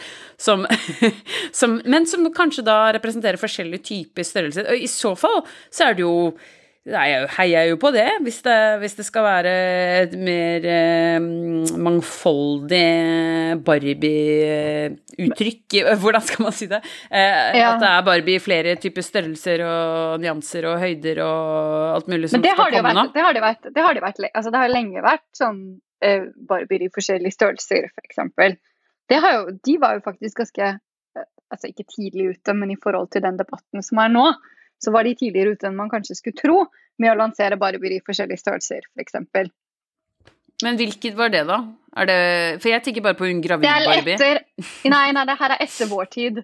Hvor, eh, hvor det ble lansert. Det ligger et sånt, jeg tror det er på Netflix som har sånne, eh, som har sånne eh, små dokumentarserier om leker. Altså leker vi vokste opp med, tror jeg den Ja, ja. heter. Jo, men jeg Da lurer jeg på om ikke det er en av de som er Barbie. Det er i hvert fall en som har My Little Pony. Jeg satte veldig pris på den. Det var kjempegøy. Um, men eh, Poenget, også, men, men, ja. men jeg tenker at det, problemet er jo det blir det samme som det er at vi vil ikke ha Prost Barbie. Vi vil ikke ha president Barbie. Det var litt liksom det jeg skulle si. ja, at, er, blir det jeg bare lurer litt på, da, fordi at uh, den verden vi lever i, er jo som den en gang uh, Som vi en gang har formet den, på en måte. Og det er jo ikke sånn Det er jo ikke uforutsigbart hvem som er mest populær på Instagram, og hvem som er mest populær på TikTok. Det er jo heller da ikke uforutsigbart nødvendigvis hvilken Barbie som er mest populær. Det er vel kanskje fremdeles stereotypiske Barbie, da. ja, ja, hvis du spør, hvis du spør, og hvis du spør KI som Ja. vi har blitt så glad i nå. Altså sånn, Hvis KI skal svare sant, på hva er det Altså Hvis du spør hva er den peneste kvinnen, så vil den fortsatt trekke frem et vestlig eh, utseende som er hvitt og ikke sant, er litt sånn ja, mot, heller mot stereotypical Barbie-look, liksom. Ja. Eh, Eller Margot det- Robbie. Ja. Så, ja. Så det eh, men, men, men igjen, da kan du også spørre igjen, ja, hvem har man spurt, da? Hvor har, Mm. har KI, eller har vi, har vi vært gode nok på å sjekke? Eller er det sånn at, ok, hvis du hadde gitt penger, hvis du hadde gjort alle kids i, på det afrikanske kontinent og det asiatiske kontinent og latinamerikanske eh, like kjøpesterke som jenter i vest, den vestlige verden, da? Mm. Hvordan hadde det sett ut da? Hadde man kjøpt mer av andre typer barbier? Eller hadde man også kanskje produsert for lengst barbier med andre typer utseende? Altså, sånn det er så Ja. mye å putte inn i denne potensielle Ligningen. Ja, ligningen. Som, ikke sant? Eh, Da kommer vi tilbake til hvorfor KI da ikke Kommer må stoles på. Ja, kommer til kort. Mm. Så eh, det er liksom det er litt for mange spørsmål man sitter igjen med. Men, men for? Og dette igjen går tilbake til ambivalensen min eh, rundt dette her. Eller hvor jeg egentlig har bare mest spørsmål. Hvor jeg eh, igjen ennå ikke har klart å konkludere helt og lande på noe med denne filmen. For det, jeg, sitter, jeg får bare mer spørsmål og ting å tenke på når jeg ser filmen. Fordi det Ja. er, det, det er den, den går jo inn på egentlig en del type spørsmål som, som vi ikke egentlig helt har ferdigdiskutert, eller har vi starta å snakke om det, eller liksom øh, Ja. Uh, og, og hvor jeg også kommer tilbake til hm, jeg må google litt mer om hvordan Barbie-markedet er nå. Men jeg har i hvert fall funnet ut at Mm. Eh, siste Alan er blitt kjempepopulær igjen. ja, ikke sant. Se der. Ja, men, men det er jo det. Jeg har jo i hvert fall lurt på at hva er det Mattel vil nå? Jeg har i hvert fall tenkt at uh, Mattel er smarte som da vil prøve å, å styrke brandet Barbie. Eh, det er jo alltid smart uansett, eh, med en kul film. Og det har de vært gode på. Mm. Alltid. Ja. Eh, og, eh, men ja, men så blir det mer styrka nå med at Altså, jeg tenker nå eh, sånn eh, ikke, Markedsføringsmessig så er det jo gjort noe jævlig smart nå, men de kaster seg jo egentlig bare Ja. på De er bare egentlig treige på kassa på den bølgen som vi har sett lenge nå, med at store, Mm. anerkjente, etab veldig etablerte merkevarer har blitt veldig opptatt av å være politisk korrekte. Som, altså, Mm. Vi kan trekke fram gjerne sånn som Adidas og Nike som har vært eh, veldig i front der da, på, på reklamefilmer med kvinner med til og med med Nike hijab og altså sånn uh, Sponser Serena Williams og liksom veldig sånn på den derre kvinner i først og i alle slags uh, former og fasonger og farger, holdt jeg på å si. Altså at Men det syns jeg Barbie har vært ganske, har vært ganske i hvert fall, altså, Det syns jeg de har vært ganske vocal om lenge. altså Med forskjellige størrelser og forskjellig hudfarge. Og eh, Down syndrom Barbie og Barbie med handikap osv. Der har de jo vært veldig på det. Men jeg tror bare ikke vi som ikke har lekt med Barbie siden det bare var stereotypiske Barbie, da, for å si det mildt, vi, har- vi er kanskje ikke like oppdatert på at det faktisk har vært lenge. Og så er det jo vanskelig, da, og det jeg tror det er det som er mye av kritikken mot filmen også. Det er vanskelig å kjøpe når du kommer fra et så, så kapitalistisk standpunkt. Mm, ja. Pluss at eh, jeg, jeg bare Det at hun er i denne fantastiske, mangfoldige verden, blir for meg litt sånn Ja. øh, Det har vært lettere for meg å skjønne hvor vi ville hvis alle Barbiene i den Barbie-verdenen var stereotypical Barbies. At det var Stepford Vibes, liksom. Ja, Ja. At, at jeg, da hadde jeg skjønt det litt mer hvor man ville hen. Fordi For meg blir det helt tullete at hun liksom får cellulitter Men det hadde de ikke kunnet Ja, men det Ja. hadde de ikke kunnet gjøre. Det hadde de ikke kunnet gjøre.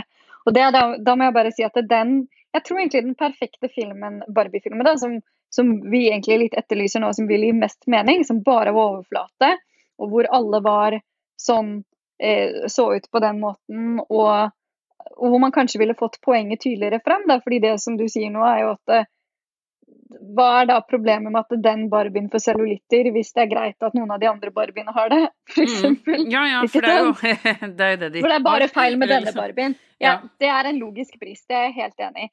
At noe er feil med Barbie, blir litt vanskelig hvis, hvis Og nå sier jeg feil i anførselstegn, men dette er liksom inni dette Barbie-universet. At det poenget hadde kanskje blitt tydeligere, som, som du sier, hvis alle var stereotypical Barbie. Men den filmen hadde du ikke kunnet lage nå. Den filmen hadde du ikke kunnet lage nå. Og jeg sier ikke at jeg, jeg ikke syns det skal være bred representasjon i Barbie-film, for det mener jeg absolutt det skal.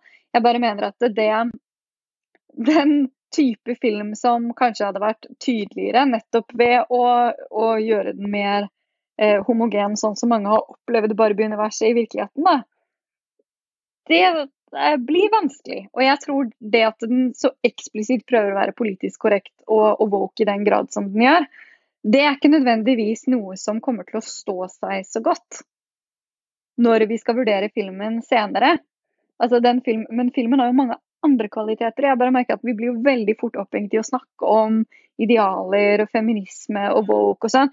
Men filmen har jo utrolig mange andre kvaliteter. Altså, og jeg er ikke nødvendigvis så stor Greta Gerwig-fan, fordi jeg syns Little Women var helt grufull. Eh, jeg syns det er veldig mange andre adaptasjoner av Little Women som jeg har foretrukket mye mer enn den. Grøss. Kostyme, den, de Oscar-vinnende kostymene er det verste rælet jeg har sett på film noensinne. Og Derfor så er jeg veldig glad for at den samme kostymedesigneren har tatt seg opp i Barbie og virkelig gitt oss den Barbie-fantasien som vi har cravet sammen med Chanel. Jeg ser jeg følger en del vintagebutikker på Etsy som, som har sendt plagg til Barbie-filmen for ett og et halvt år siden og visste at det skal være med. Og så, det, så er det en vintage Alexander McQueen-kjole på Emma Mackies karakter. og sånn. Altså, det er så mye gull, og Chanel har laget Men, egne looks til Margot Robbie. Ja, hvert fall den, si... hva, Er det noe jeg tenker på? Det smykket. Det Chanel-smykket ja, med de diamantene på. Og, og sløyføredobbene. Ja. Å, herregud. Ja. ja men, det, og det er veldig Barbie. Der, da er jeg helt med. Det, selv om det står Chanel. Men det, det, det kjøper jeg mer enn Smeg-brødrisseren. Helt enig. Altså, ja. Jeg vil bare si mote-product placementen her var helt, den var helt genial. Altså, da skaper du en symbiose liksom mellom mellom leketøy og film og noe liksom virkelig sånn inspirerende akutt innspo i moteverden som, som, er nærmest genialt, som jeg føler det er veldig lett å undervurdere. Nettopp fordi man bare fordi man blir så opphengt i å diskutere den litt sånn cookie cutter-feminismen som filmen er veldig sånn tydelig prøver å påtvinge oss. Men produksjonsdesign, kostyme, eh, skuespill altså det er jo det er jo noen enorme kvaliteter som filmen har, som jeg, som jeg, tror kommer til å stå Og bare det fenomenet den har skapt utenfor filmen i seg selv, altså den dimensjonen som oppstår, det tror jeg kommer til å stå seg mye bedre enn de tingene som vi er veldig opptatt av å diskutere med den akkurat nå. Fordi alle er så opptatt av å ta et standpunkt i forhold til hva filmen prøver å si. Også fordi vi er vant til at nettopp Greta Gerwig er en filmskaper som har mye å si, altså som har noe oppriktig å si. Hvorfor er hun sell-out? Og da må jeg si, at, jeg har sikkert nevnt det før òg, at jeg syns at den største feiltagelsen filmen gjør når den prøver å være så woke, er at den inngår et samarbeid med kleskjeden Sara når, ja. når, de skal lage merch. Og jeg bare sånn kan, Du kunne like så godt ha tatt Skien, liksom. Altså, ja. du, du, inngår bare Du inngår mm. en avtale med en av de mest, en av de mest forurensende, eh, kapitalistiske, ondeste selskapene i hele verden. Var det ikke også med Har ikke Hennes og Maurits også noe Barbie-merch? Jeg vet ikke, jeg har ikke sett noen fra Ensemøy men jeg har sett alle på Sara, med Sara, Sara sin Barbie-kolleksjon. Oh, ja, hvor de selger okay. sånn Barbie-smykker til 30 dollar og sånn. For jeg altså, trodde bare... det var noe på Hennes Maurits, og hvis ikke jeg tok feil Ok, da får jeg, jeg får slette det i så fall, hvis jeg uh, tenker det. Men nei, uh, for jeg bare Kanskje mener at jeg så Kanskje det er Sara du har sett? Det, det, det, kan være jeg ikke har fått med meg at det hennes har gjort også, men uh, Sara er jo eid av han uh, spanske milliardæren. Super, uh, super billionaire. Så det er, det er liksom, og, også, og, det er liksom også bare noe med å, å signe med bedrift som i så stor grad eh, skor seg på, på uetisk arbeidskraft. Altså, det er bare sånn ja, men, men Det er det mest at... uvåke med hele filmen. Jo, jo, men ok, det var, det var jo litt det òg, at de der klærne til Barbie, dokkene, ja. er jo av elendig kvalitet. Eller ja. sånn, det, var, det er jo tilbake til Barbies elendige liksom, kvalitetsverden. I, i, for, derfor vi liker så mye av dårlig ja, kvalitet. I motsats til, til, Lego, liksom, som er solid, ja. ikke sant. Det er det jeg mener. At, eh, men det er jo derfor også Uh, nei, altså Hvilke fabrikker lager Barbie-dokkene og Barbie-klærne? Eller er de kanskje minst like shady? Jeg vet ikke. Det, det er godt mulig at det er minst like shady. ja, sånn at det å da samarbeide med Sara er i Barbie-ånden. I Barbies I Mattels beste ånd. Ja. Hun og dette må jeg sjekke, faktisk. Altså, jeg må si, jeg bare Jeg bare, jeg ja. syns, jeg bare syns at Jeg bare det jeg prøvde å si i starten også, som, jeg, som er grunnen til at, uh, at jeg syns det blir litt urettferdig å kritisere at Mattel, som er så tydelig avsender på filmen, har en, har en kapitalistisk og forbrukermessig agenda, det er jo at vi da helt ukritisk kan forholde oss til Marvel-filmer som eh, filmverk, ikke sant? Uten å snakke om eh, merch som jo er en Eller Star Wars, for den saks skyld. Altså, eh, eller Disney generelt. Eller Harry Potter. Eller Harry Også, Potter! Eller Ringenes herre. Ringenes herre. Ja, Men- alle har Ja, men alle selger jo det sånn- dritbra sånn Det, det Det er der er jo et eget akkurat- marked. Ja. Det er et eget marked, men det er bare Mm. akkurat som når det, det er bare akkurat som at noen, akkurat som vi snakket om gutt- og jenteleker, da, ikke sant, og seriøst og useriøst, og eh, frivolous rosa og, og solid eh, sort, så er det bare akkurat som om vi er mer skeptiske til forbruksfantasien i Barbie fordi det er Barbie og Mattel, mens vi fullstendig eh, avfeier det som et utenforliggende element eh, når den inntrer i andre blockbuster-filmer. Og dette er en blockbuster-film, det er ikke en indie-film. Men jeg syns måten filmen også inntar strukturen til lek, og måten man leker med Barbie på, og bruker de elementene på en ekstremt eh, interessant måte eh, i narrativet i filmen. Det er, jo, altså, det er jo en av filmens største kvaliteter, sammen med produksjonsdesign og kostyme og skuespill. Jeg bare føler at vi snakker, altså, at Det blir så mye av debatten som handler om Mattel, Mm. istedenfor å handle om, om filmen i seg selv. Og Jo, som helt enig blockbuster, ja, det er mye som er overfladisk, og jeg er også helt enig i at til slutten er altfor sentimental, og den der liksom Harry Potter-aktige scenen med humlesnurr på toget, liksom. Det, det er i hvert fall ikke noe som, som fenger meg, men å lage en komedie som både fenger en sånn kritisk eh, type som meg, da, og tydeligvis et enormt bredt blockbuster-publikum, Mm. det er klapp på skulderen. Mm. Og vi ikke bare fenger. Og jeg tenker, altså, hallo, hvis du sitter og tar deg selv i å le Ja, Jeg ja, tenker- det gjorde jeg. Jeg syns det var jeg- morsomt. Ja, men det er det jeg mener. Uh, altså at da har filmen klart å nå inn til deg, eller sånn Altså det er det- Underholdningsverdien er jo enorm. Ja, uh, og jeg tenker det her er Ja, man kan godt nedsnakke det at den kommer på strømming. Jeg syns ikke man skal gjøre det. Jeg tenker at når den kommer på strømming, så vil flere se den kanskje flere ganger. Ja, jeg gleder meg. Ja. Eh, komedier er jo mm, eh, har jo beviselig eh, de filmene som enklest kan ses flest ganger igjen når man har dem Mm. Tilgjengelig, enten det er på DVD som vi gjorde før, eller også nå, da. men, men også på strømming. Eh, jeg bare sier det for det der med DVD, fordi på strømming så vet du aldri hvor lenge du har tilgang på den. Eh, Nei, jeg har bare meg snytt mm. mange ganger når jeg skal inn og se The Talented Mr. Ripley for 3414 ganger, så er den borte vekk. mm. Det var et live-eksempel. Jeg elsker den! Men i hvert fall for å, Hvis vi skal avslutte her, da. Herregud, nå ruller, ruller tida. Speaking of Altså til alle sånne Uh, unge menn som, som, som er uh, indignert over uh, Barbie-filmen. Insult! Ja, eller kalle seg det, Jeg tenker det er ikke alle som kaller seg det heller, men som føler seg Nei, nei, nå kaller jeg dem det for dem. Ja. Ja. Men det er bare Altså sånn, hallo, her har du så mange artige eh, menn som liksom kan ses som alfa-males. Fordi de er sånn muskuløse. De har dette vi kaller det hard body. Altså Ja. mm, eh, Det er liksom en sånn term på Et det. skall! Ja, og som er sånn 'Å, jeg er så sterk', og jeg er komedi... Altså at man koder veldig tydelig at 'jeg er macho man'.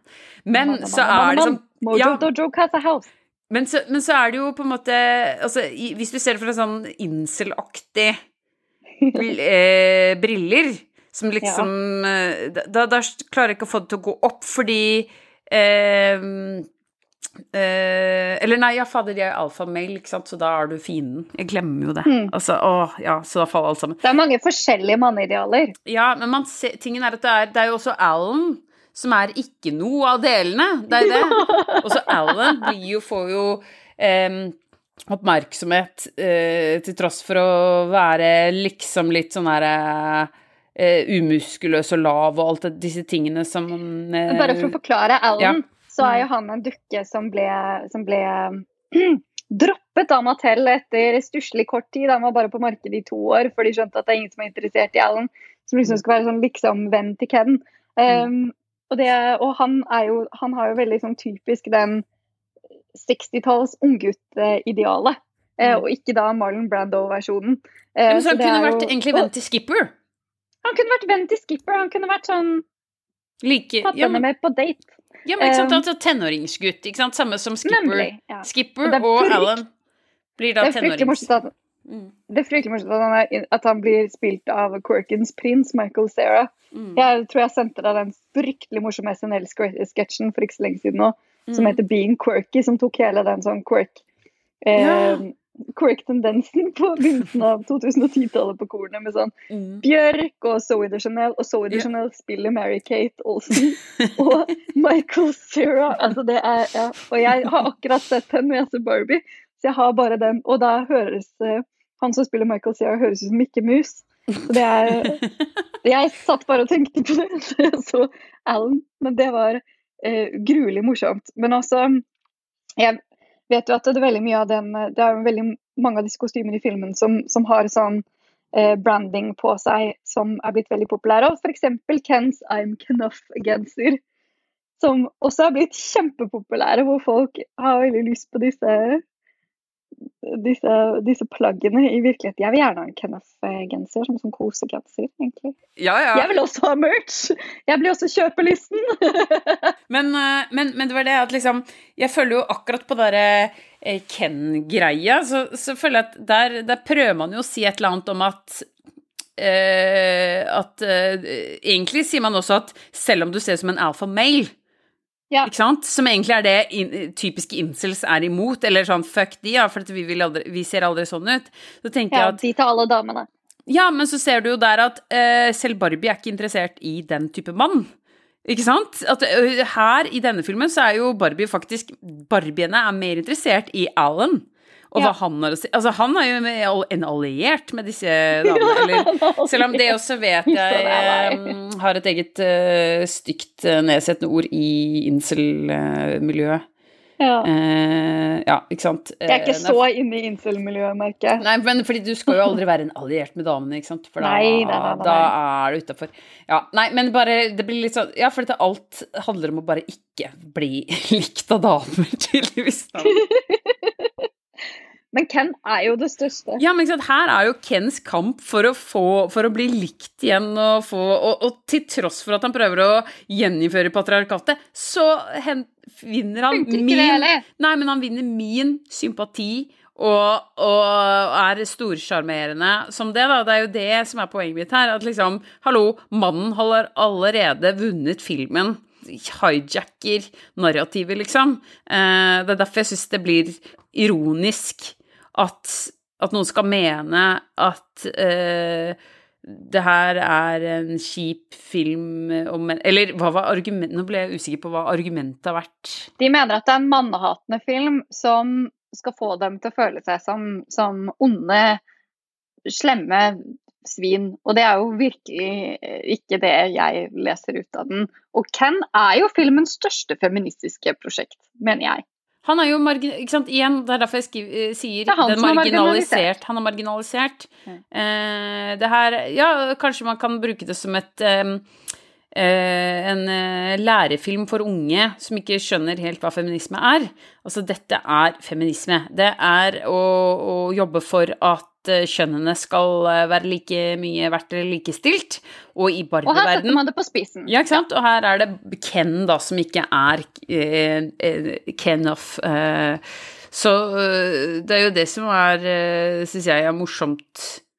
At det Og det blir satt på spissen at han ser det begge veier. Ja. Ikke sant? Du får på en måte begge perspektivene på hvordan det ofte oppleves for kvinner i den virkelige verden, satt Ja. på spissen, ja. og hvordan det blir eh, portrettert i en verden som, hvor stort sett kvinner Mm. leker seg til hvordan ting fungerer. Selv om det er da jeg skulle ønske vi det- bare var i Barbie-verden, for det hadde vært nok eh, Ja. Ja. Men, kanskje noen, men Ja. kanskje noen trenger det speil Altså kanskje noen trenger det speilbildet. Og så må jeg bare si at det, Jeg syns det blir litt urettferdig, akkurat som vi jo i veldig stor grad også holdt på med verdens verste menneske når den skulle diskuteres. Eh, altså ikke vi, men eh, altså som et kollektivt vi. ja. At eh, Medie-Norge.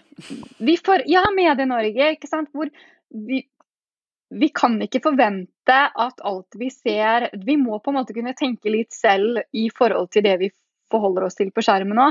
Vi kan ikke forvente at alt vi ser skal være fem perfekte feministiske eh, propagandaplakater eller perfekte feministiske eh, akademiske avhandlinger som ruller seg ut i narrativ form foran oss. Altså, vi kan liksom ikke sitte og forvente at, eh, at, feminismen skal pakkes inn perfekt for oss. Det er jo interessant at vi diskuterer feminisme ut ifra Barbie, men jeg syns det blir urettferdig å diskutere hvor godt Barbie eh, presenterer feminismen for oss. Og det er, det er, der jeg blir litt sånn matt i, i møte med veldig mange av kritikkene som, som skal kloke seg på hvor godt eller dårlig feministisk prosjekt Barbie i virkeligheten, i virkeligheten var. For min del skulle ønske det ikke var et feministisk prosjekt. Jeg skulle ønske det bare var nå er vi inne i lekeland på Barbies premisser. Men det er veldig morsomt. Jeg syns også det er et veldig interessant tankeeksperiment. Jeg bare tenker Når vi skal lage film i den blockbuster-skalaen, som jo Barbie rent faktisk er, og det blir vi nødt til å forholde oss til, så syns jeg jo at Greta Gervig og eh, fortellingen altså, Det oversentimentale ble altfor mye for meg. Men så syns jeg jo den oppfyller sin funksjon. Jeg syns jo innenfor de rammene filmen har satt seg, så er det en vellykket film. Ja, det liker jeg òg. Jeg har også gitt den en solid sju av ti. Altså, jeg liker den skalaen fra én til ti bedre enn terningkastet. Ja. Hva tilsvarer det i terningkastet, hvis vi skal oversette dette? Altså, jeg tenker jo en sterk firer. En sterk firer, ja. svak femmer. Jeg, jeg, jeg er på femmeren. Det er en kjempe Det er knallgod komedie. Og så, så syns jeg den vikler seg i, i surr med å prøve å være mer intellektuell enn den er. altså, gjør, altså den, ja, at den liksom har prøvd å komplisere mer enn den trengte. At jeg tror den kunne ja. vært tjent på å gjøre ting mye enklere for seg selv og bare bli i den verden den allerede har brukt sikkert masse penger og verdens rosamaling på å skape. Eh, ikke sant? Eller bare Rosamaling ja, ja. Heller bruke mer, ikke sant? Dyrke det. Eh, tror jeg. Litt sånn som Baywatch. Ikke sant? Bare bli i, på stranda. Bare drit og stikke andre. Ta slutt med de der andre veiene. Jeg syns det er nok med at hun skal allerede bort i en, et annet univers. Skjønner du? Mm. Det, jeg syns mm. bare det i seg selv er for mye. Jeg tenker ja. Men jeg tror at de har tenkt at de, skal, de trenger det for å på en måte sette opp den sylskarpe motvekten til matriarkatet i Barbiland. ikke sant? Altså, jeg tenker Vi, og sikkert mange andre også, føler nok ikke at man trenger det med teskje. Men jeg føler bare at det i og den superblockbuster-målgruppen som den skal henvende seg til, akkurat som Barbie som konsept gjør i utgangspunktet, så er det kanskje nødvendig da, med så stor grad av Og for å på en måte kunne på noen måte rettferdiggjøre sin uh, eksistens sånn som samfunnet fungerer uh, i dag, og sånn som kulturen fungerer i dag, så tror jeg man er nødt til å tenke så høy grad av identifikasjons... Uh, identitetspolitikk også, for å overhodet kunne lage noe sånt. Og i hvert fall om noe så kontroversielt som Barbie. Og det er ikke dermed sagt at jeg syns det fungerer så godt nødvendigvis. Jeg sier bare at jeg tror at det er den Det er sånn den filmen kan bli, på en måte. Og det er en av grunnene til at den er så populær også. Og så kan man jo sitte og føle at det, det skurrer i praksis, og det tror jeg vi begge to gjør. Men jeg tror eh, på den type film der, så må det, så må det bli ja. sånn. Ja, ja. Også bare som motefilm. Fy fader. Dette er, altså I tillegg til den Do Revenge, som var den siste ordentlig store motefilmen jeg så. Det her var ordentlig gøy koste meg. Og så bare at jeg får helt vanlige mennesker til å ta på seg rosa på kino. Ja. Ja, det er ordentlig kult. Nei, skal vi wrap up? Ja. Pink is back. Uh, pretty in pink, for å si det slik. Ja. Pretty in pink. Uh, Selvutviklingsbarbie ja. er tilbake. Ja. Ida, har du en siste opp oppsummering? Eller siste dom? Nei, jeg syns det blir spennende å se hvordan den står seg. Altså etter at liksom, For det er veldig vanskelig å skille den fra hypen, og, og også i forbindelse med Oppenheimer og Barbenheimer og hele, hele den, hele den popkulturelle hydrogenbomben her. Så det blir spennende å se hvordan, hvordan den står seg om et år, eh, når den kommer på strøm. Mm. Jeg òg, og jeg spår at mange flere vil se den på strømming, eh, eller det er jo selvsagt. Eh, og at jeg, jeg tror den kan bli få et nytt liv eh, Mm. på strømming, da. Ja. Så jeg heier jo på det, da. Det er Jeg tror jeg første, første gang jeg sier det. Og det tror jeg at en film blir eh, Ja, men får, får større hype på strømming, liksom. Ja. Ok. Nei, men eh, da har vi sagt vårt. Eh, men takk for eh, denne lange praten eh, om Barbie. Eh, vi snakkes igjen eh, om ikke lenge. Eh, Ida Katrine Holmen Nilsen. Eh, og eh, det var det vi rakk nå med Hver gang vi rantes. Yay. Hei, hei. Oh, yeah. Ja, jeg vet ikke hva jeg skal Jeg hater start og slutt.